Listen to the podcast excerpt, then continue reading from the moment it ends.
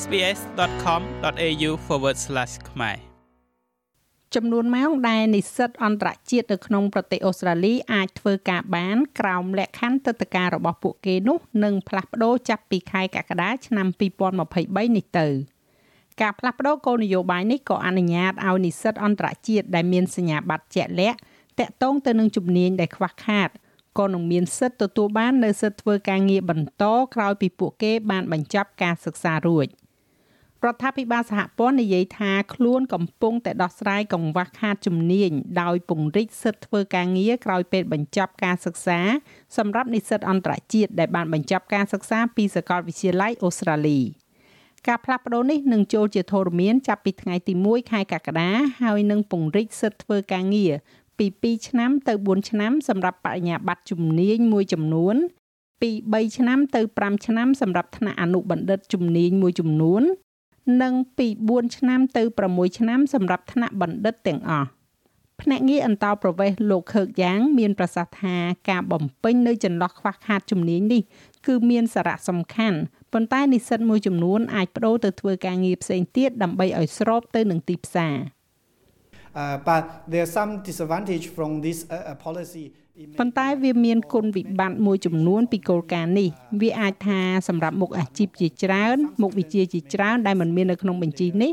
និស្សិតមួយចំនួនអាចពិចារណាឡើងវិញនៅជំរើសរបស់ពួកគេដូចជាបុគ្គលិកសង្គមគិច្ចបច្ចុប្បន្នមិនមាននៅក្នុងបញ្ជីនេះទេ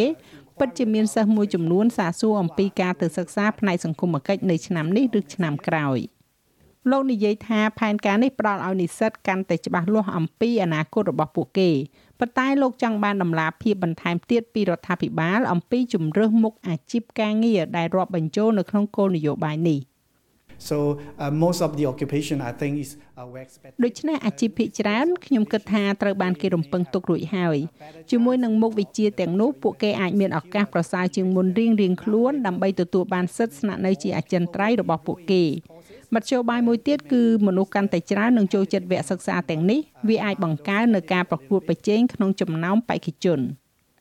រដ្ឋមន្ត្រីក្រសួងមហាផ្ទៃលោកស្រី Claire O'Neil មានប្រសាសន៍ថាការផ្លាស់ប្ដូរនេះកំពុងត្រូវបានធ្វើឡើងដើម្បីជួយដោះស្រាយកង្វះខាតជំនាញនៅក្នុងវិស័យមួយចំនួនទាំងនោះរួមមានវិស័យសុខាភិបាលវិស្វកម្មបច្ចេកវិទ្យាព័ត៌មាន និងការអប់រំ។ រដ្ឋាភិបាលសហព័ន្ធនិយាយថាបញ្ជីមុខអាជីពនិងសញ្ញាបត្រដែលមានសិទ្ធិបន្ថែមនេះនឹងត្រូវបានពិនិត្យសាររើជារៀងរាល់ឆ្នាំនិងធ្វើបច្ចុប្បន្នភាពទៅតាមតម្រូវការដោយផ្អែកទៅលើតម្រូវការទីផ្សារការងារលោក Colin ដែលមិនចង់ប្រាប់នាមត្រកូលរបស់គាត់នោះលោកកាន់ទឹកតការលេខ485ដែលនឹងទទួលបាននៅអត្ថប្រយោជន៍ពីការផ្លាស់ប្ដូរគោលនយោបាយនេះ រួមទាំងការបង្កើនម៉ោងធ្វើការសម្រាប់និស្សិតអន្តរជាតិពី40ម៉ោងទៅ48ម៉ោងក្នុង2សប្តាហ៍ចាប់ពីថ្ងៃទី1ខែកក្កដាឆ្នាំ2023នេះទៅលោកនិយាយថាលោករីករាយដែលបានឃើញការផ្លាស់ប្ដូរនេះ很多人把澳洲其实在出国之前就 មនុស្សជាច្រើនមើលឃើញប្រទេសអូស្ត្រាលីគឺជាគោលដៅអន្តោប្រវេសន៍នៅមុនពេលពួកគេមកសិក្សាការងារដែលត្រឹមត្រូវនិងពាក់ព័ន្ធសម្រាប់ការបញ្ចប់ការសិក្សាបានក្លាយទៅជាកត្តាចាំបាច់សម្រាប់ការធ្វើអន្តោប្រវេសន៍គោលនយោបាយទឹកតការថ្មីនេះធ្វើឲ្យនិស្សិតអន្តរជាតិកាន់តែប្រកួតប្រជែងសម្រាប់ការងារវាជាការជំរុញម៉ាក្រូទាំងមូលសម្រាប់ការប្រកួតប្រជែងរបស់ពួកគេអ្នកមានទឹកតការអាចធ្វើការងារបានយូរជាងមុន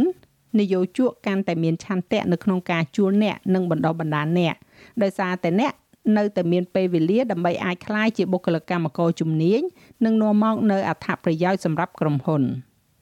សូមបញ្ជាក់ថាក៏មានអត្ថប្រយោជន៍បន្ថែមទៀតផងដែរសម្រាប់អ្នកដែលសិក្សារស់នៅនិងធ្វើការនៅក្នុងតំបន់ជនបទក្នុងប្រទេសអូស្ត្រាលីចាស់ឲ្យរបាយការណ៍នេះចងក្រងឡើងដោយ Stephanie Cosetti សម្រាប់ SBS News និងប្រាយសម្រួលសម្រាប់ការផ្សាយរបស់ SBS ខ្មែរដោយនាងខ្ញុំហៃសុផារ៉ានីចុច like share comment និង follow SBS ខ្មែរនៅលើ Facebook